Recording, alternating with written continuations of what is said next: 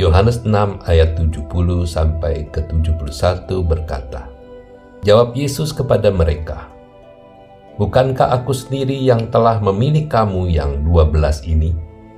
Namun seorang di antaramu adalah iblis.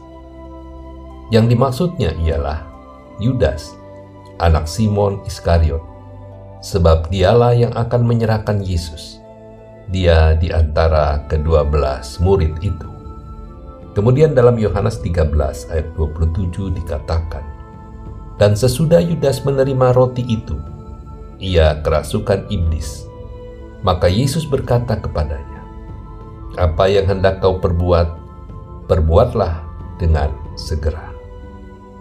Yang menjadi pertanyaan, bisakah seorang pengikut Yesus kerasukan iblis? Sebelum kita menjawabnya, kita perlu tahu kata kerasukan iblis yang digunakan oleh LAI dalam konteks ini. Ada dua arti dari kata itu. Yang pertama adalah kerasukan oknum iblis, sehingga orang tersebut dikuasai iblis dan melakukan hal-hal di luar kesadarannya.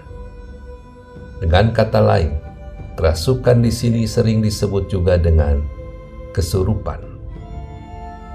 Untuk jawaban atas kejadian ini, sebagai orang percaya yang telah menerima Roh Kudus, kita tidak dapat lagi kerasukan iblis.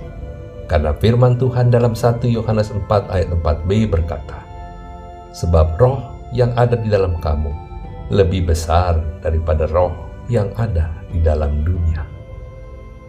Yang kedua, kerasukan iblis dapat juga berarti pikiran kita dipengaruhi iblis oleh tipu dayanya, sehingga kita melakukan hal-hal yang bertentangan dengan firman Tuhan. Lihat saja Yudas Iskariot. Dia bukan hanya pengikut, tetapi murid Yesus. Dia diajar semua tentang kebenaran, kasih, kekudusan, dan lain sebagainya. Tetap saja hatinya dipengaruhi oleh iblis. Suatu hari, saya mendengar sebuah keluarga yang harmonis tiba-tiba geger karena sang suami diketahui mempunyai selingkuhan. Bahkan telah sekian tahun sang suami hidup bersama selingkuhannya tanpa diketahui oleh istri dan anak-anaknya. Sebuah topeng dipakai oleh suaminya dengan sangat lihai.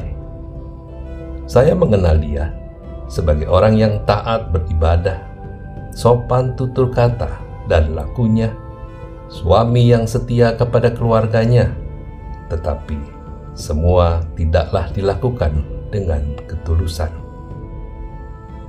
Begitu banyak manusia topeng di sekeliling kita. Janganlah kita terkejut akan hal tersebut. Lalu apakah sedari awal orang tersebut telah memakai topengnya? Tentu tidak. Tetapi godaan iblis dan kenikmatan dunia yang semu yang telah membuat mereka berubah. Saudara, ingatlah selalu bahwa hal itu bisa terjadi dengan Anda dan saya. Kalau kita tidak berhati-hati, kita bisa menjadi manusia topeng selanjutnya. Tidak ada manusia super yang bebas dari godaan iblis dan godaan kenikmatan dunia ini.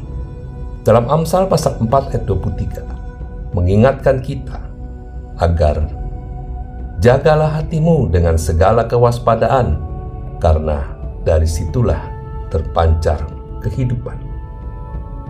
Menjaga hati berarti selalu berjaga-jaga, sebab godaan bisa datang secara tiba-tiba.